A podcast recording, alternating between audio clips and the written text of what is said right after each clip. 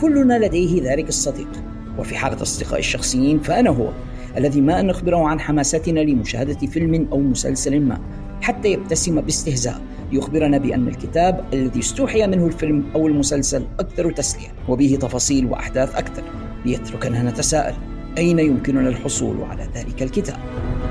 رعاتنا الرسميون مكتبة الرسالة العالمية لديهم الجواب لدى مكتبة الرسالة العالمية سوف تجدون جميع تلك الروايات التي تقتبس عنها الأفلام. هاري بوتر The Witcher جاك ريتشر شيرلوك هولمز Lord of the Rings Game of Thrones الذي تستمعون إلى لحنها هنا. جميعها بطبعات أصلية ومقابل أسعار مناسبة. وإذا كان كتابك المفضل غير موجود لديهم فلا تقلق. بإمكانهم جلبه لكم بأسرع وأقل تكلفة مما يتطلبه شراؤه عبر الإنترنت. مكتبة الرسالة لا تبيع الروايات فقط حيث لديهم الكتب الدراسية والقواميس والمراجع في كافة المجالات العلمية. وإذا لم يكن بمقدورك الذهاب بنفسك إلى المكتبة أيضا لا تقلق فلديهم خدمة التوصيل كذلك. فماذا تنتظرون؟ عالم من المعرفة ينتظركم بمكتبة الرسالة العالمية. زوروا صفحتهم في وصف هذه الحلقة واتصلوا بهم للحصول على ما تريدون من الكتب. فقط أخبروهم أنكم من مستمعي البودكاست وبأن البروف هو من أرسلكم. مكتبة الرسالة العالمية جسركم إلى المعرفة العالمية.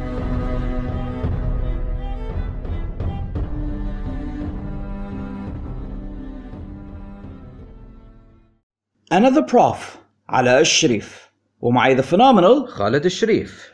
وهذا بودكاست بعد الجرس time machine edition حيث سوف نراجع عرض The Great American Bash لسنة 1998 من اتحاد WCW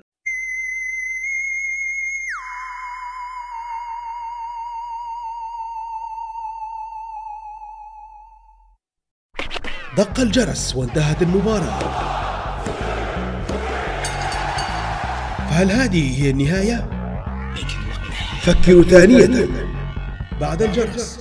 يحلو الكلام بعد جرس الختام عروض مباريات نتائج تحليلات تقييمات مع خالد الشريف A little bit of the bubbly. وعلاء الشريف I'm the best in the world. بعد الجرس يأتيكم من أسرة بودكاست في الحلبة In the ring, where it matters. Woo!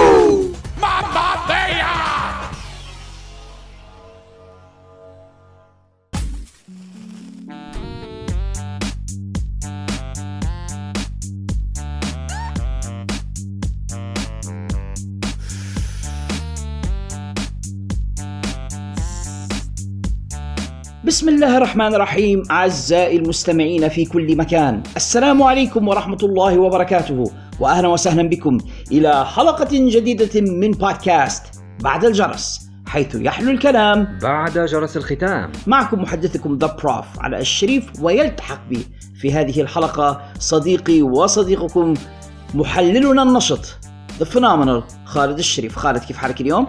أنا بخير الحمد لله. لكن عندي سؤال. مم. وين الحلقة رقم 100 من In The Ring؟ حتى انت يا خالد حتى انت يا خالد. نرحب بكم أعزائنا المستمعين جميعا وبخالد طبعا. وقبل ما نخش أكثر في فقرات الحلقة خلينا نجاوب هذا السؤال الذي ورد إلي كثيرا سواء من خالد الآن زي ما سمعتوا أو على الخاص وبعض ال- الأصدقاء يعني بارك الله فيهم مهتمون كثيرا بهذا الموضوع. الحلقة 100 من بودكاست في الحلبة والحقيقة أعزائي المستمعين ويا خالد الحلقة 100 أنا نبيها تكون حلقة خاصة من البودكاست مش مجرد أي كلام. مع أن جميع حلقاتنا في العادة مش أي كلام يعني أني أهتم بجميع الحلقات ولكن هذه الحلقة أوليتها عناية خاصة. وفيه الكثير من الأجزاء المتحركة.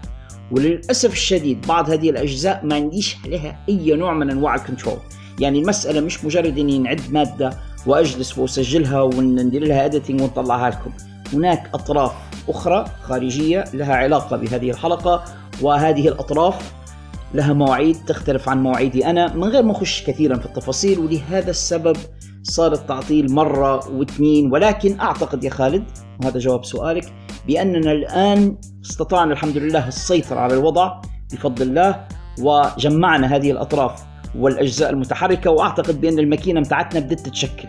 خلاص يعني نقدر نقول بأن بإذن الله نهاية هذا الأسبوع اللي تسمعوا فينا فيه. إن شاء الله في نهايته حتكون عندنا حاجة تسر الجميع وأعتقد أنها حتكون أخطر حلقة في العالم. بس ما نقدرش نقول أكثر من هيك. بريكنج نيوز لمستمعي بودكاست في الحلبة.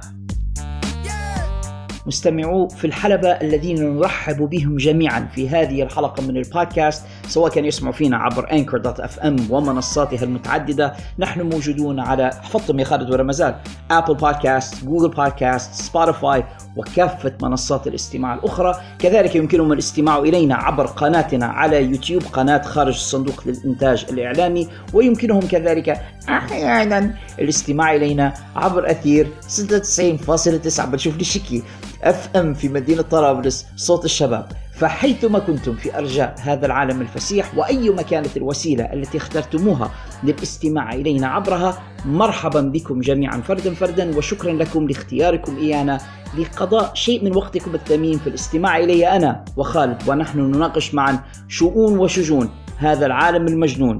عالم مصارعة المحترفين. وعلى ذكر عالم مصارعة المحترفين يا خالد هذا العالم قد اهتز في الأسبوع المنصرم مرتين بسبب خبرين في غاية الحزن بالنسبة لمحبي هذه الرياضة. فوجعنا في الخبر الأول بوفاة الأسطورة تيري فانك عن سن يناهز ال 79 سنة. تيري فانك الأسطورة الذي شكل زي ما نقدر نقوله trailblazer في عالم مصارعة المحترفين. الرجل هذا غير الطريقة التي يصارع بها المصارعون. عالم المصارعة قبل تيري فانك ليس كعالم المصارعة. بعد تيري فانك الرجل هذا جلب ال realism أو الواقعية. أنا شخصيا نسمي فيه the Gene Hackman of professional wrestling واحد من الممثلين العباقرة. تيري فانك كان ممثل عبقري وكان يقنعك بالفعل إنه هو crazy إنه هو مجنون إنه هو حقيقة يبي يقتل الشخص اللي معاه في الحلبة. ما كانش fancy ما كانش flashy ما كانش يدير في حاجات over the top ولكن كل شيء يديره كان داخل الحلبة كان واقعي وقابل للتصديق. الرجل هذا أصيب بالمرض في آخر عمره وكان تعبان جدا جدا وكان يصارع الحقيقة المرض لأشهر طويلة ووفته المنية في ليلة الأربعاء الماضي زي ما قلنا عن سن التاسعة والسبعين وكثير من المصارعين الحاليين يعني كتبوا في رثاءه وكانوا في غاية الحزن وظننا أن الأمر انتهى عند هذا الحد ولكن اليوم التالي كانت صدمة كبرى بإعلان خبر وفاة بري وايت. عن سن السادسة والثلاثين. البقاء لله وحده هذه أولا. أنا الحقيقة تفاجأت بخبر كلا الرجلين وأنا مش عارف نقول لك أي منهما اللي تفاجأت به أكثر. لكن لما سمعت بوفاة بري وايت فعلا أنا ذهلت. خاصة ان إحنا سمعنا بأنه هو اختفى وسمعنا أخبار انه كان مريض ومتكتمين على خبر مرضه. سبحان الله. شوف نسأل الله أن إن شاء الله يعافي ويطيل في أعمار جميع مستمعينا وإياك يا خالد آمين. والمسلمين. الموت ليس له عمر والموت ما يعرفش يعني مريض صحيح كبير صغير. لما الإنسان تحين ساعته خلاص. ولا ملك ولا وزير. يعني لا يستأخرون ساعة ولا يستقدمون. لكن ما تفاجأناش كثيرا بتيري فانك نظرا لتقدمه النسبي في السن ونظرا إن حالته الصحية كانت تعبانة من أشهر يعني. كنت نسمع انه هو تعبان وإلى آخره فما تفاجأتش لما سمعت به انه توفى. لكن بري وايت وهو في عز شبابه حقيقة كانت صدمة.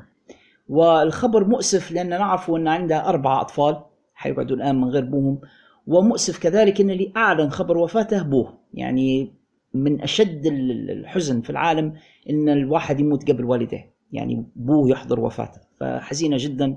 وأنا شخصيا ما كنتش من محبي بري وايت ك wrestler يعني أنا ك fan ما كنتش معجب بأدائه داخل الحلبة ولكن حتى ما كنتش نتمنى له الموت يعني في هذه السن. كنت ديما نقول يا ريته يتوجه إلى عالم هوليوود ويمثل أفلام الرعب وكذا لأنها أنسب لموهبته منها في في الحلبة ولكن يبقى الخبر مؤسفا ومحزنا. وكثير من الناس يعني في العالم نشوف فيهم حتى على ال social media ابدوا الكثير من الحزن لرحيل هذا الرجل اللي سبحان الله من فترة بسيطة كان توفى صديقه لوك هاربر اللي هو برودي لي في عصابة The Wyatt Family توفى من حوالي ثلاث سنوات وكان بري كما يروى شديد الحزن على رحيل صديقه والآن رحل هو الآخر. باقي بس أن نقوله اطفاء لبعض الشائعات اللي شفتها على ال social media بأن بري وايت ما انتحرش.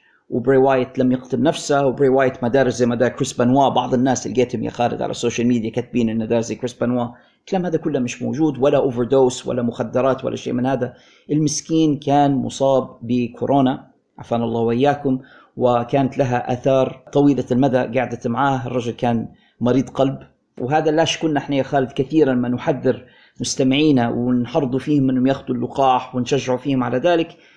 المرض هذا الكوفيد عافانا الله وإياكم أحيانا تكون له آثار جانبية طويلة المدى وهذا اللي صار مع بري وايت الموضوع أثر على قلبه وبعدين مسكين أصيب بسكتة قلبية وتوفى. هذا كان لله. سبب الوفاة المعلن. الحمد لله الذي عافانا.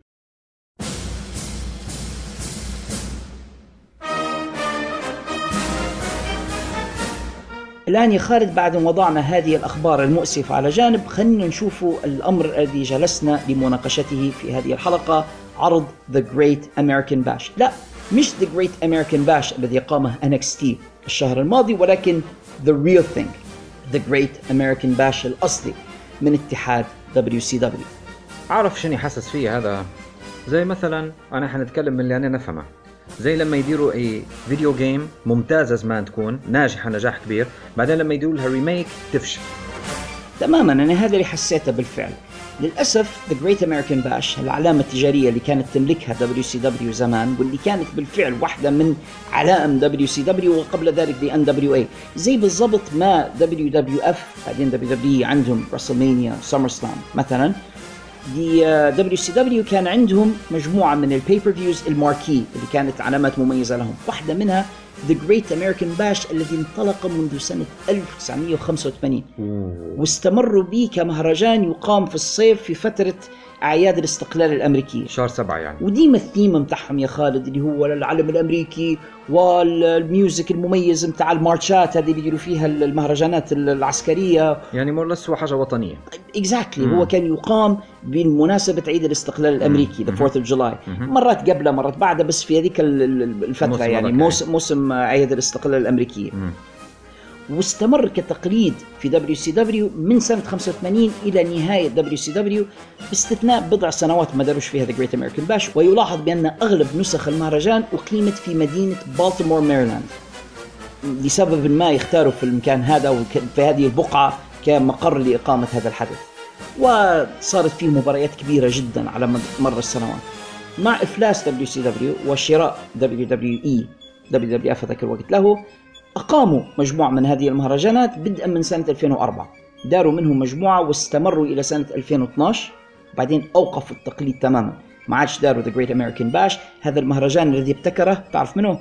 داستي رودز داستي رود The American Dream baby داستي رودز هذا العبقري كان حقيقة في عالم المصارعة هو الذي ابتكر هذه الفكرة. The Great American Bash. استمروا WWE به إلى سنة 2012 وبعدين قرروا أنهم يحطوه في الدرج. ما عادش يستخدموه إلى سنة 2020 وأعتقد أنهم فعلوا ذلك فقط لإغاظة كودي. لما كودي أقام اتحاد AEW مع أصدقائه حبوا أنهم يحرموا كودي من ال trademark اللي ابتكره أبوه. فأطلقوا The Great American Bash ويا للعجب عطوه ل NXT واستخدم بشكل جيد من NXT Black and Gold في فترة من الفترات وكان عرض مميز. لكن بعدين مع تحول NXT إلى NXT 2.0 وتبدل الحال حقيقة في NXT شفنا في سنة 2003 نسخة من العرض. أنا شخصيا تفرجت عليه بصعوبة يا خالد وبمرارة. أنت ما شفتها صح؟ ما بقتش نشوفها أصلا. وأنا نقول لك إنك أنت أفلحت وربحت وكسبت راحتك وكسبت وقتك.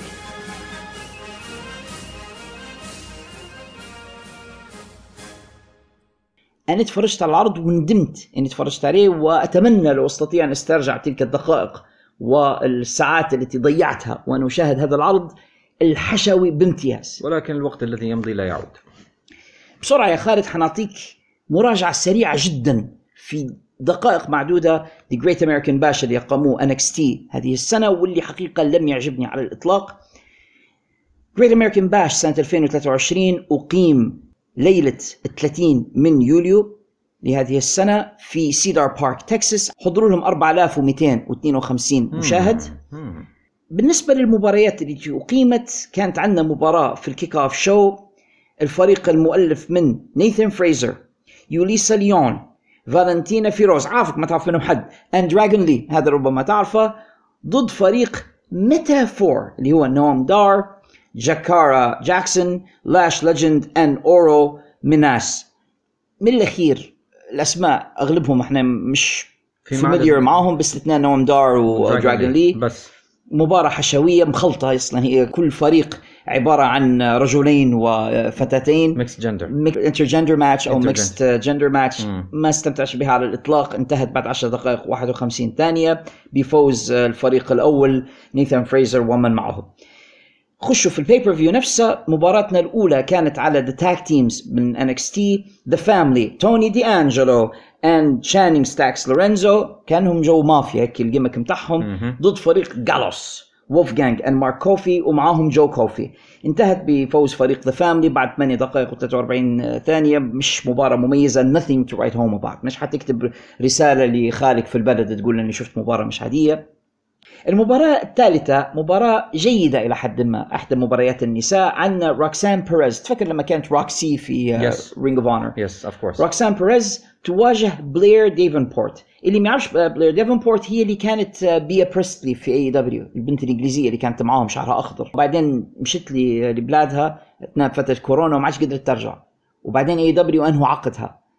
رجعت إلى الولايات المتحدة أخذوها ان إكس تي غيروا لها اسمها وسموها بلير ديفنبورت هذه المباراة كانت hardcore match وروكسان بيريز يعني اللي شايف مصارعتها ال style هذا style ال street fights مش مناسب لها يعني ولكن مباراة كانت فوضوية all over the place يعني صاروا وسط الجمهور وفي ال concession stands وفي الدنيا كلها وانتهت. بعد 11 دقيقة و49 ثانية بفوز روكسان بيريز عندي إحساس هذه المباراة هربت منهم صح؟ بس كانت fun شوية يعني ممكن أول مباراة نستمتع بها في العرض عجيب. بعدين يجوا لي مباراة. بصراحة يا خالد سوف تنافس على لقب أسوأ مباراة لسنة 2023 لازم تخش في يا للهول في ال honorable mentions على الأقل. عندنا جيبل ستيفنسون هذا الشاب اللي فاز بالميدالية الذهبية الأولمبية في المصارعة واللي كانوا يبوه يكون خليفة كورت أنجل واللي قعدوا يدربوا فيه وكذا وأساس يجهزوا فيه إنه بيجي للحلبة وبيديروا له packaging جاء أخيرا وكان خصمه بيرن كوربن وجدير بالذكر يا خالد ان بيرن كوربن هو اللي retired كورت انجل هو الذي انهى مسيره كورت انجل فكان شني بيرن كوربن أنا انهيت مسيره واحد Olympian وتو أنا بنواجه Olympian جديد فيواجه في هذا جيبل ستيفنسون توقعنا ان ستيفنسون حتى هو يعني باعتباره مصارع اولمبي حيعطينا ال style بتاع كورت انجل ولكن شتان حقيقه يعني باش تعرف ان كورت انجل فعلا اسطى يعني ويحترم على اللي يقدر يديرها في professional wrestling الرجل هذا جيبل ستيفنسون ما عندهش علاقة بالموضوع على الإطلاق. من أفشل ال professional wrestlers نشوفهم في حياتي. wow. لا look لا مقدرة على أداء دخل الحلبة لا ماء لا كهرباء. مهمش بكل شيء. مش حيفهم لو هذا الليبيين اللي يتفرجوا على قناة ليبيا الأحرار لكن على كل حال جيبل ستيفنسون ما عندهاش فيها اطلاقا. يعني يدير حاجة ثانية خير لما إنه يكون professional wrestler المباراة انتهت بال count out بعد 6 دقائق و32 ثانية. والحمد لله واحدة من أسوأ المباريات. لما نقول لك إن بيرن كوربن هو اللي كان شايل المباراة أعتقد إن هذا يكفي. نحس فيها كان مباراة من حلقة من سماك داون. وأسوأ حتى. يعني ممكن التلفزيون matches العاديات تحصل فيها fun. يا للهول. جيبل ستيفنسون is not ready. المباراة التالية أيضا لم تعجبني كانت على درجة من السوء. حنشوفه. مصطفى علي واحد من المصارعين العزوم إحنا لعدة أسباب منها أنه هو مسلم. أول سبب. يواجه في ويسلي مصارع كويس هو الآخر ضد ديرتي دوم ميستيريو دومينيك ميستيريو. آه. محمد زينوبة ذي دبليو دبليو ومعاه أمه ريا ريبلي. المباراة هذه الثلاثية على بطولة NXT لأمريكا الشمالية. مباراة مع ما فيها من مهارات من مصطفى علي وويسلي لكن زي لما تكون عندك هيك أكلة شهية وفصتها دبابة هيك حطت تدخلها وفسدتها عليك. وجود دومينيك ميستيريو في مباراة تخليني ما عنديش رغبة في مشاهدتها. علما بأن في بدايتها كان promising عارف كان يبدو واعد وكانت عنده إمكانيات معقولة. تو مولي دبق دبق, دبق تجسيد لكلمة كلوط وهو بالفعل كان كلط نزل المباراة إلى أسفل السافلين مباراة كانت سيئة جدا انتهت بعد 12 دقيقة وخمسة ثواني بفوز آه، دومينيك بسبب تدخل ريا ريبلي بالطبع يعني actually مدت إيديها على المصارعين وكانت تنحي فيهم لما حد يحاول يثبت آه، دومينيك هي تنحيه. ما عجبتنيش المباراة على كل حال انتهت آه، بعد 12 دقيقة و5 ثواني. لننتقل إلى المباراة التالية اللي كانت أحسن مباراة في العرض في رأيي this tells you a lot. هذا يقول لك الكثير لما المباريات النسائية أفضل من المباريات الرجالية. عندنا تيفاني ستراتون اللي هي بالفعل بادية تثبت نفسها في NXT كمصارعة ممتازة جدا بطلة نساء NXT تدافع عن لقبها ضد مصارعة شابة صغيرة في السن اسمها ثيا هيل.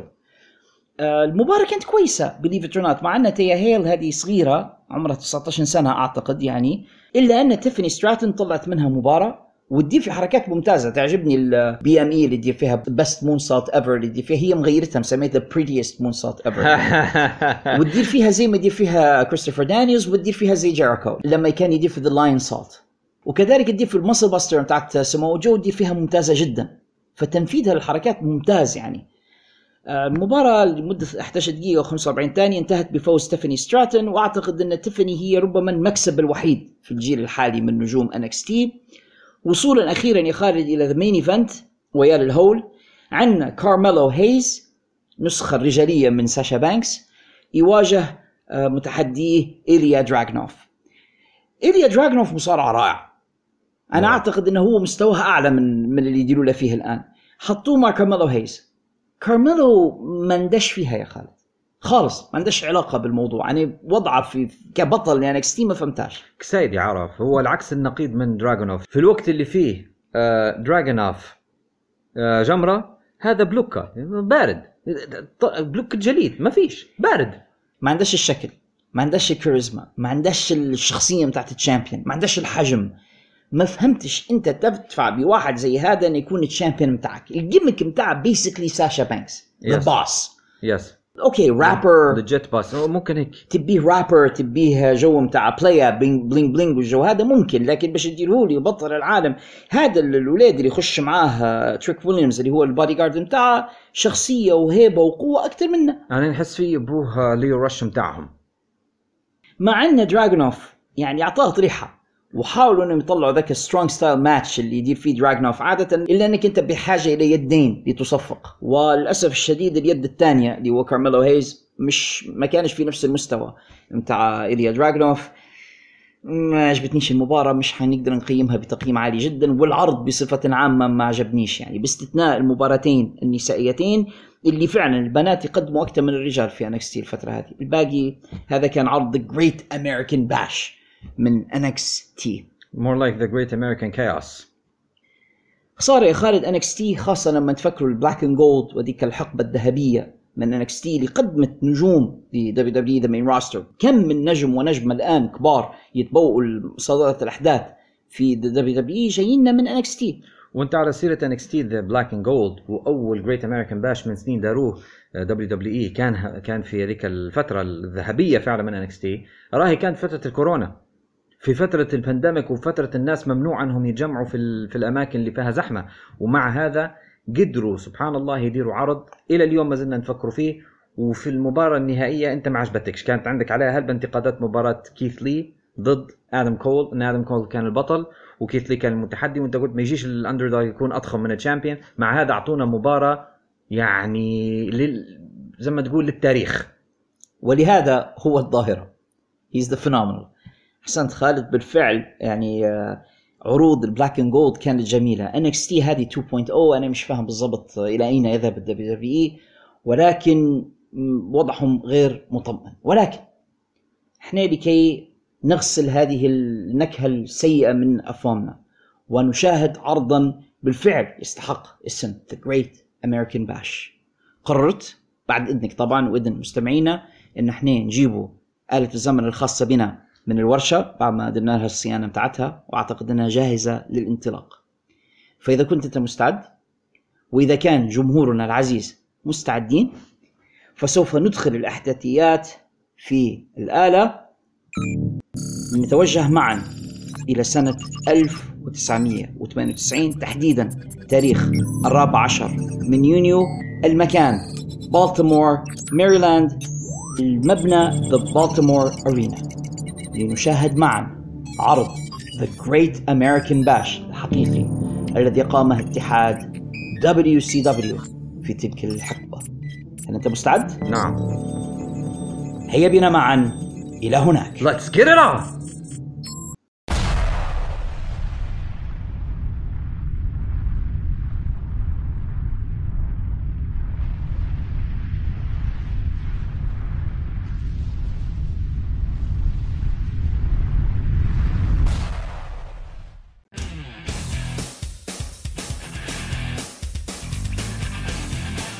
نحن الآن يا خالد في فترة عز The Monday Night War.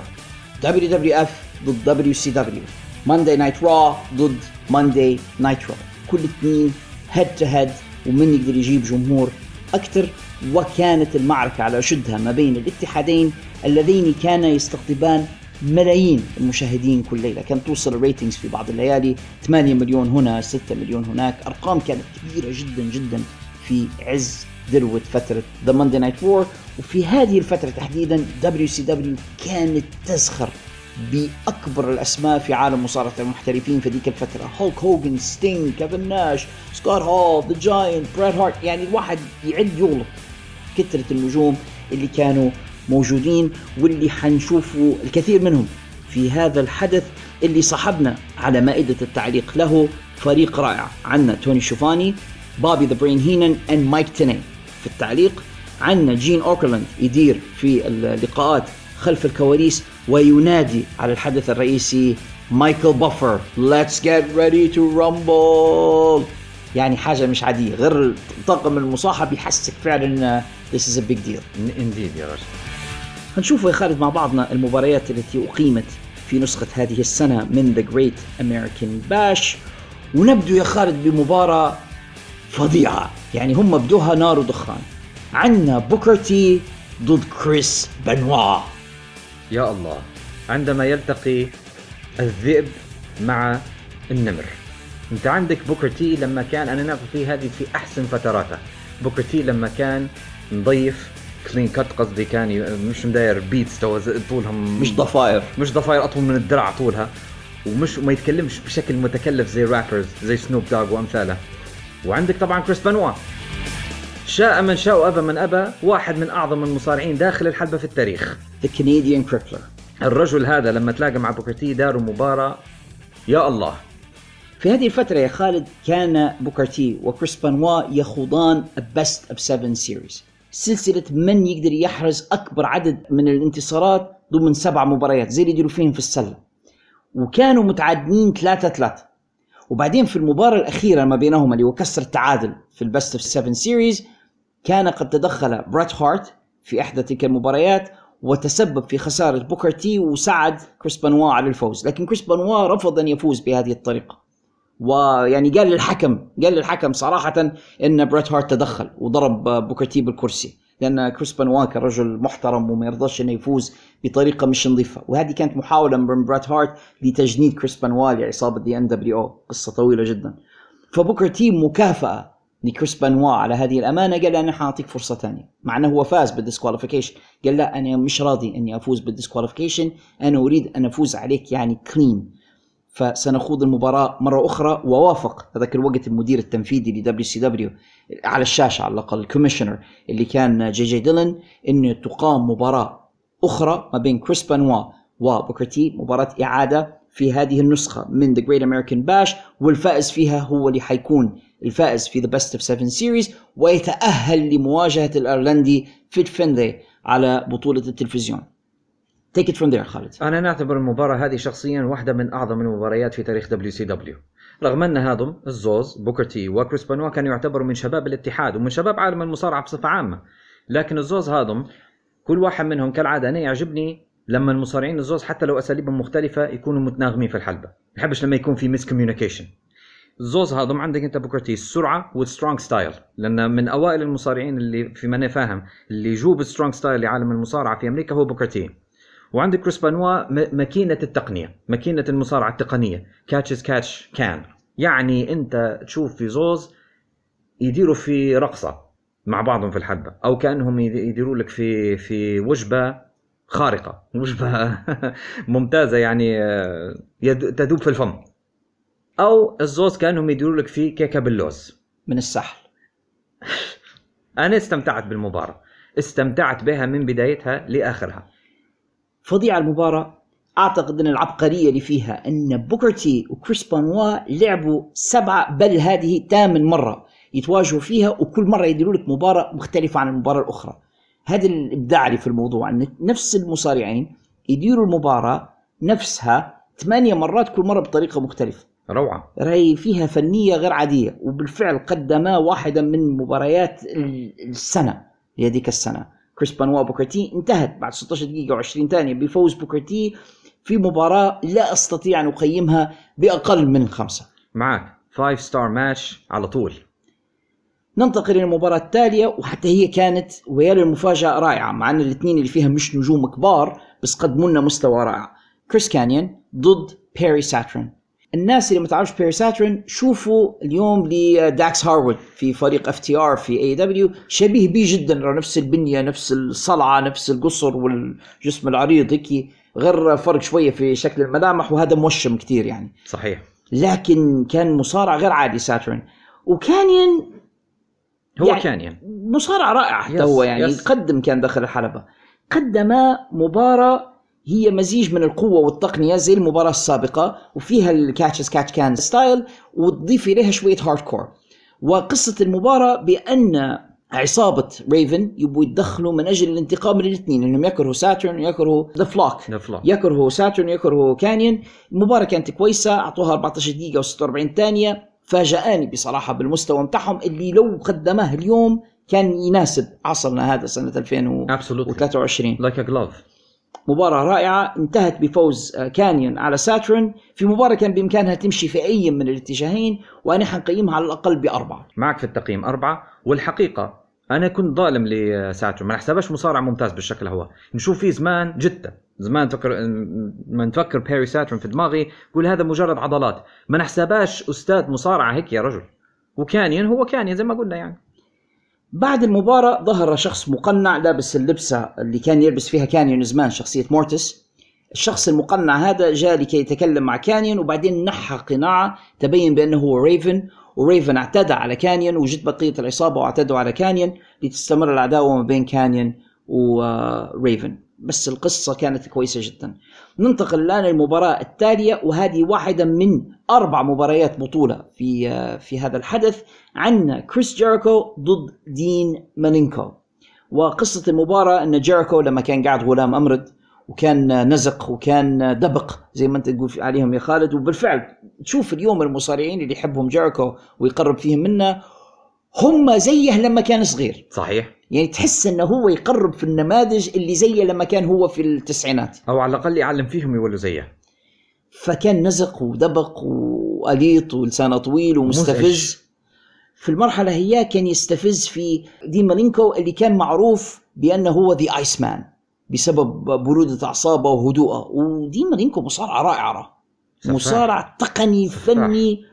بس شني مسكين ما كانش عنده كاريزما وشخصية قوية وكذا وحجمه مش كبير. كان قصير القامة نسبيا وتحسه هيك bland وهذه النوعية اللي يقول عليهم كيفن ناش vanilla midgets كان يحتقرهم ويستهزئ بهم يعني. لكن دي مالينكو مصارع تقني فظيع ويشتغل الآن مع AEW خلف الكواليس كمدرب.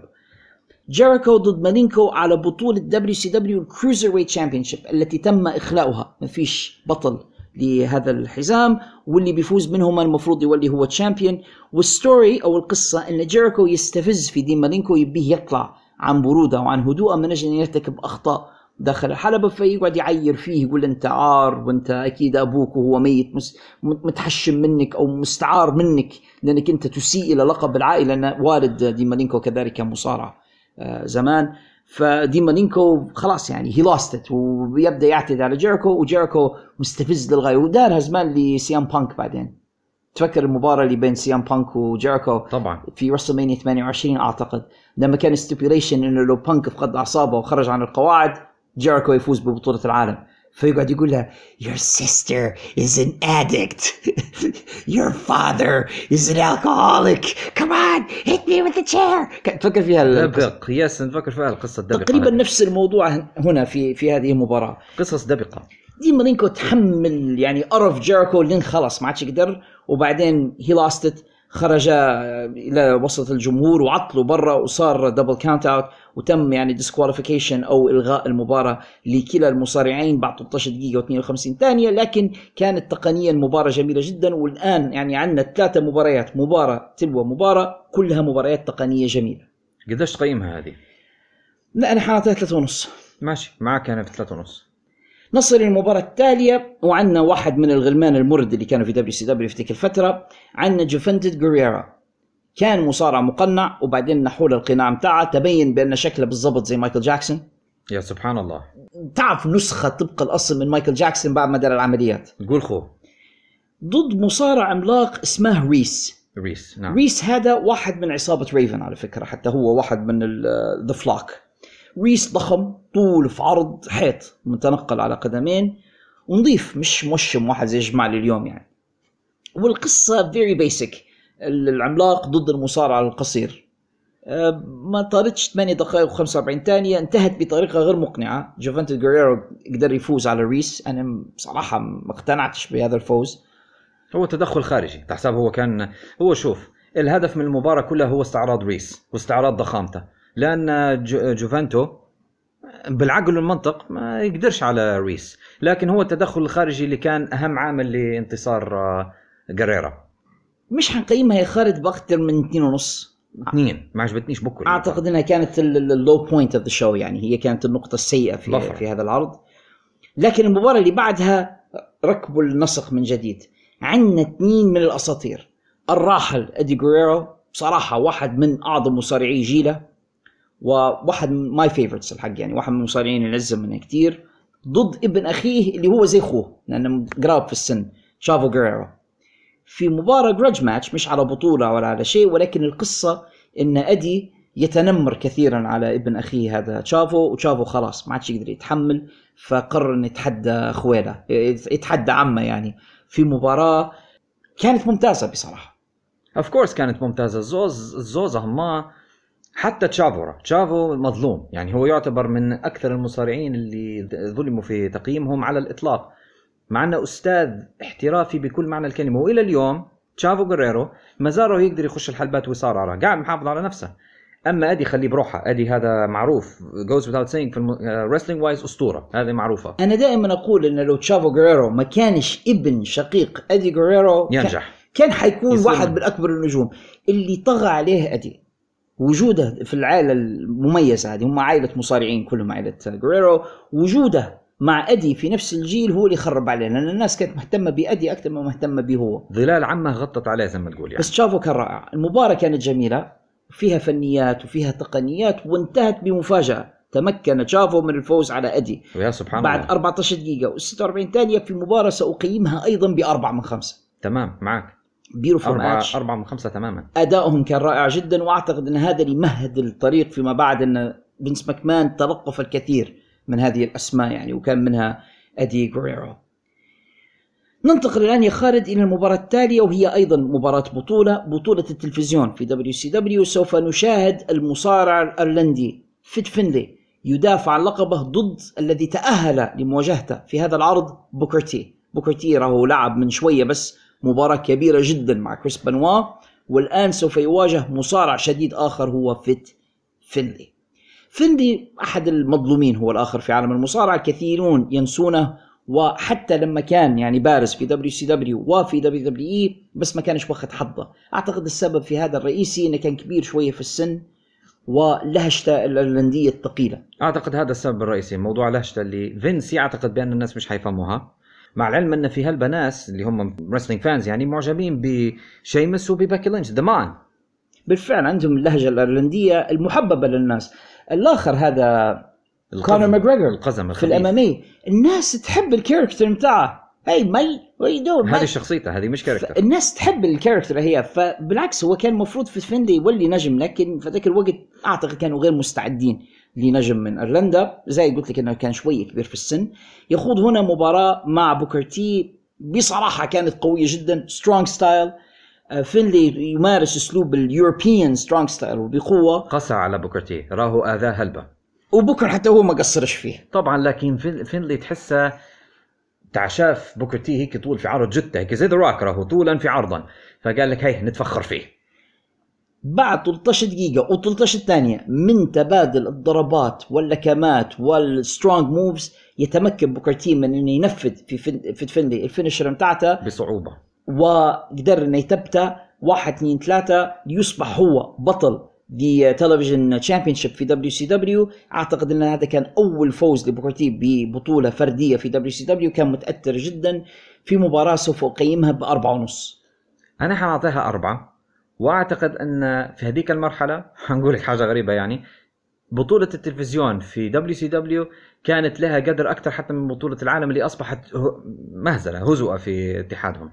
للأسف هوجن عامل بطولة العالم زي ما رومان رينز يعمل فيها الآن، يعني كان نادر ما يدافع عن البطولة ولدرجة أن الناس كانت تنسى أن في بطولة في WCW من. قلة ما كان يدافع عليها هولك هوجن، لكن الشباب اللي زي آه، بوكر تي وزي كريس بانوا وغيرهم كانوا قايمين القدر في البطولات الصغرى والمتوسطة وعوضوا النقص في بطولة العالم. مباراة كانت رائعة للغاية. ننتقل بعد ذلك يا خالد إلى الوحش. بيل جولدبرغ في بداية انطلاقته لما ال streak كان في حتى يعزها وكان منطلق جولدبرغ وكل مرة يواجه خصم ويكسره وإلى آخره. هذه المرة سوف يواجه كونان. وكونان المسكين انحط في موقف بايخ. لأن كان المفروض اللي يواجه جولدبرغ هو كيرت هانينج Mr. Perfect ولكن كيرت هانينج ادعى الإصابة وإنه ما يقدرش إنه هو يصارع. فزميله في the nWo Red and Black كونان stepped up وقال لا أنا حنصارع بدلا عنك. فحضر كونان المسكين إلى الحلبة. بصراحة نقول عليه مسكين اللي بيحطوه مع جولدبرغ يعني. ومصحوبا بريك رود and كيرت هانينج واساسا كيرت هانينج مش قادر يمشي ويتعكز على ريك رود وريك رود و Mr. Perfect في ذاك الوقت كان شكلهم زي بعض يشبهوا بعض. أصلا هم يشبهوا بعض. واحد أشقر والثاني شعره أسود. بس بعد ما لما ريك رود قص شعره لما قص شعره قصير وهنينج لما كان يشد شعره الخلف يشبهوا بعضهم. تقول إخوة يعني شكلهم وهم من نفس المنطقة يعني. سبحان الله. آه على كل حال مم. فالآن المسكين هذا كونان سوف يواجه بيل جولدبرغ الذي لم يمهله طويلا يعني انتهت المباراة بعد دقيقة و57 ثانية بفوز ساحق ماحق لجولدبرغ الذي يعني بصراحة يعني آه، افترس هذا المسكين كونان وهذا الفوز كان الرقم 100 لبيل جولدبرغ يعني. انتقل من ال- الأرقام اللي ذات خانتين إلى ثلاث خانات 100 wins 3 digits 3 digits 100 فوز. مم. وهذه أول مرة مصارع يفوز ب 100 مباراة على التوالي بدون أي خسارة. بعد المباراة أعضاء the nWo ريك رود and كيرت هانينج يعتديان على كونان ويتبين بأن كيرت هانينج مش مصاب ولا شيء. وكيرت هانينج ينزع قميص ال Red and Black ويتبين أنه لابس تحته Black and White ويعلن انضمامه إلى عصابه the Black and White في the nWo كيفن ناش جاء بسرعة لإنقاذ كونان. هذا سيكون له بعدين تبعات في قصة العداوة ما بين the nWo Black and White and Red and Black مباراة ما نقدرش نقيمها بالكثير لأن جولدبرغ ما كانش يمتعنا في الحلبة كان بسرعة ينهي المباريات. مش حنقيمها بأكثر من واحد ونص. معك واحد ونص. ننتقل الآن يا خالد إلى the main events والمباراة التالية غريبة بعض الشيء. علاش؟ حنسمع أسماء أربعة أساطير وأربعة من رموز WWF في الثمانينات. وبداية التسعينات. والأربعة من أكبر الأسماء في تاريخ المصارعة. هولك هوجن بريت هارت Macho Man راندي سافيج and رودي بايبر wow بالنسبة لي هذه طفولتي تتجسد أمامي. so is me يعني أربعة من الرموز اللي أنا كبرت وأنا نشوف فيهم في عالم المصارعة. هوجن بريت هارت فريق. من كان يصدق أن بريت هارت وهولك هوجن في يوم من الأيام يكونا فريق ضد رودي بايبر و Macho Man راندي سافيج اللي حتى في WWF ما كانوش صحاب. فأنت عندك فريقان غريبان كيف تشكلوا مع بعضهم. هذا ما سنراه في هذه المباراة. لأول مرة في مسيرتي ك wrestling fan ما كنتش محب كثيرا لبريت هارت في هذه المرحلة.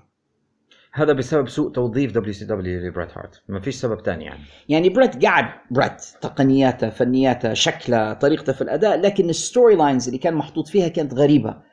دايرينه heel واساس انه هو مع عصابة the ان دبليو وضد the nWo في نفس الوقت. القصة كانت doesn't make any sense. كانوا يحاولوا يسوقوا لنا إن بريت دخل إلى داخل عمق الان دبليو أو باش يدمرها من الداخل. هذا اللي يحاولوا يديروه بعدين ينسوه إنهم هم يديروا هيك وبالفعل خلوه عضو في the nWo الموضوع كان مش راكب على بعضه يعني مم. بالمرة. تقليب زي AEW اليوم. المباراة نفسها من الناحية الفنية والتقنية ما كانتش عالية جدا. ماتشو مان ما كانش في أحسن أيامه. ماتشو مان كان بطيء كان يعتمد أكثر على شكله وعلى اسمه أكثر من أنه هو يعني المصارع الرائع اللي كان عليه من عشر سنوات. بايبر كان كويس. بايبر كان شكله قاعد كويس ويأدي قاعد أداءه. وهوجن رومان رينز اليوم. يا أخي أنا عمري ما ننسى المباراة اللي تلاقوا فيها بريت وهوجن one on one وفاجأنا هوجن بكمية من الحركات التقنية ما تخيلتش إنه يطلع بها لأنه يصارع في بريت من جاور السعيد يسعد. هو شوف هوجن راهو عنده فيها راهو قام الجي 1 قبل راه. عنده شوية راه مش زمان زمان. يعني مش سيء بهالشكل داخل الحلبة لكن بعدين هو اللي أراد أنه يولي هيك. اختار أنه يولي هيك. على كل حال مباراة استمرت لمدة 11 دقيقة و40 ثانية انتهت بفوز فريق هوجن وبريت هارت عندما تمكن بريت هارت من تنفيذ حركته الشهيرة ذا شارب شوتر على the ماتشو مان راندي سافج وأنا كنت حزين للمستوى اللي عليه ماتشو مان في هذه المرحلة. بالفعل يعني كان مش مش هذا ماتشو مان اللي أتذكره. المباراة نفسها ما كانتش رائعة برغم الأسماء الضخمة اللي فيها. يعني حنعطيها أكثر حاجة ثلاثة ونص. ثلاثة ونص أنت being very generous. أنا نعطيها 2 و75 يعني مش مش هذا المستوى على كل حال اللي إحنا متعودين عليه لهذه الأسماء. بعد المباراة صار صراع ما بين رادي بايبر وراندي سافج اتعاركوا مرة أخرى وتمكن بايبر من إنه يعطي راندي سافج طريحة في دقيقة و37 ثانية يعني مسكين راندي سافج خسر مرة أخرى. لنصل الآن إلى the main event. The main event عندنا مباراة ما بين ستينج الأحمر في ذاك الوقت كان يطلي في وجهه باللون الأحمر هو كان في ان دبليو أو الحمراء والسوداء ضد the جاينت بول وايت أو the بيج شو لما كان شعره طويل وكان fit. كان رائع. المباراة هذه على التحكم في بطولة الفرق الثنائية. شنو الفكرة؟ أن ستينج في tag team مع كيفن ناش و the جاينت في tag team مع سكوت هول فبدل ما يديروها tag team match وهذا المنطقي إن اثنين ضد اثنين واحد من كل فريق سيواجه الآخر والفائز يروح بالحزامين إلى زميله. خاضا مباراة قصيرة يا خالد ست دقائق و40 ثانية. شفنا فيها ما يسمى بالإنجليزية feats of strength حركات قوة غريبة من ستينج ستينج يرفع في the بيج شو هذا في the جاينت يرفع فيه و body slam ات. أني تعرف اللقطة قعدت نعود فيها مش مصدق اللي يجي فيه ستينج عارف ستينج دار لقطة في المباراة زي اللي دارها هوجن لأندري the جاينت في رسلمانيا دار suplex ل the جاينت لكن ما تسمعش به يتباهى بها زي ما. زي ما هوجن قاعد يتباهى باللقطة متاعه لليوم يقول لك أنا قمت أندري the جاينت اللي وزنه 1000 باوند هو بالفعل هوجن لما يحكي في قصة ال body slam اللي دار أندري the جاينت كل مرة يزيد في الوزن. أندري the جاينت اللي وزنه 500 باوند بعدين صح. 700 باوند بعدين مرة قال the جاينت الذي يزن 1000 باوند إيه. يا رجل كمان يا راجل يا رجل. كل ما يحكي القصة يزيد وزن أندري وكل ما يحكي القصة يزيد آه، تفاصيل وفهم هو عموما الفترة هذه على على الشيء بالشيء يذكر يعني هوجن يجيب في لفة إعلامية على عدد من البودكاست ويكذب في كذب. ويقول في حاجات غريبة. يعني أنا مستغرب إن السقف قاعد بطحش عليهم غادي في أمريكا. يقول في كلام غريب هوجن الفترة هذه. ذكرني بمسلسل الزايرة تفهم شو قصدي؟ على كل حال. آه ستينج يتمكن من الفوز على الجاينت بعد 6 دقائق و40 ثانية ليصبح الآن هو بطل الفرق الثنائية في دبليو سي دبليو وعاد بالحزامين يعني طالع بهما. والحق ستينج في المرحلة الجاية كان فورمة وكان بطل وكان شيء غير طبيعي. آه مباراة كانت قصيرة أعتقد هذا عيبها الوحيد ولكنها كانت مسلية للغاية. أنا حنقيمها بثلاثة. آه أنا مختلف معك نعطيها 3.75 بصفة عامة يا خالد شنو تقييمك للعرض؟ قديش تعطيهم من عشرة؟ 8 ونص. أنا حنعطيهم زيك 8 8 ونص. العرض كان جميل. positive العرض ما كانتش فيه أشياء مسيئة من الناحية الأخلاقية الأشياء هذه اللي تضايق فينا مؤخرا في عالم المصارعة وغيرها من الميديا ما شفناهاش في هذا العرض. بالعكس العرض كان محترم. professional wrestling show بمعنى الكلمة قدموا لنا عدد من المباريات الجميلة والقوية اللي هي فعلا professional wrestling matches واللي بيشوف wrestling بالفعل كيف كانت في هذيك الحقبة الجميلة انصحه بالعودة لمشاهدة هذا العرض الذي سوف أترك لمستمعينا رابطا يمكنهم من خلاله إنهم هم يعاودوا يتفرجوا عليه اونلاين بمشيئة الله.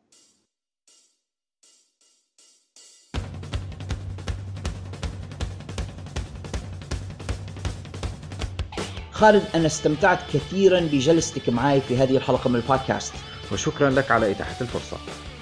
إحنا خالد عندنا جلسات أخرى خلال هذا الأسبوع ربي يعيننا عندنا حلقة حنديروا فيها توقعات عرض اول ان بمشيئة الله. مشكلتنا الوحيدة أن توني كان كل شوية يغير لنا في قائمة المباريات فأنا نستنى فيه أنه يثبتها تماما. أعتقد الليلة غدا إن شاء الله حتكون عندنا رؤية واضحة لماذا سوف يقدم في أول إن شاء الله. وسأقدم أنا وأنت توقعاتنا لذلك العرض. إن شاء الله خير. بعد ذلك سنشاهد عرض اول ان وسنقدم لمستمعينا الأعزاء تحليلنا لذلك العرض. أتمنى أن يكون عرض جميل ونستمتع به نحن وهم. بعد ذلك موعد أصدقائنا مع الحلقة 100 من بودكاست في الحلبة الذي أرجو وسأعمل كل جهدي بإذن الله أن تكون حلقة جميلة تستحق الفترة التي قضوها في انتظارها وإن شاء الله حتكون حاجة تليق باسماعهم جميعا. فربي يعيننا إن شاء الله على تنفيذ جميع هذه المشاريع. وإذا كانت هذه الحلقة قد نالت رضاكم واستحسانكم أعزائنا المستمعين بقدر استمتاعي أنا وخالد بإعدادها وتقديمها إليكم فنتمنى الا تبخلوا علينا رجاء بترك علامة الخمسه نجمات في الابس والتطبيقات التي تستمعون إلينا من خلالها. علامات الخمسه نجمات تساعد هذا البودكاست كثيرا على النمو والانتشار والوصول إلى أفاق أبعد. إذا كنتوا تسمعوا فينا من خلال يوتيوب فدمروا أزرار ال like وال subscribe وال share. فعلوا جرس التنبيهات لكي تصلكم الإشعارات بالحلقات الجديدة أولا بأول وفي النهاية. لا تنسى عندما ينتهي العرض وتسمعون جرس النهاية فإن المتعة نفسها لم تنتهي بعد لأنه يحلو الكلام بعد جرس الختام.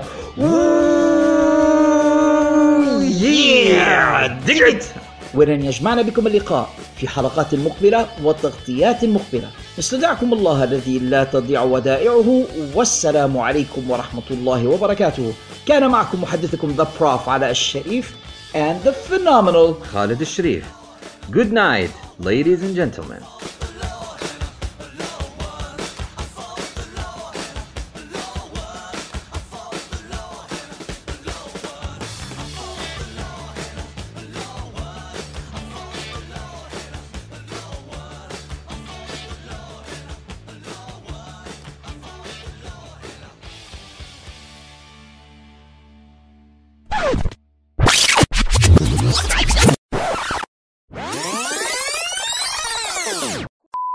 على كل حال يا خالد بعد ما إحنا حطينا هذه الأخبار المحزنه المحزنه يعني. مباراة نسو... نسائية نسوية قريب قلت لك فيمينيزم وروكسي أو روكسان بيريز مش بتاعت هارد كور في كل حال يعني ما مش بتاعت هارد كور ينفع مكتبة دخلت كارميلو فحمة لأن أوكي. ويت أنا ما كانش قصدي I know I know. The Monday night the Monday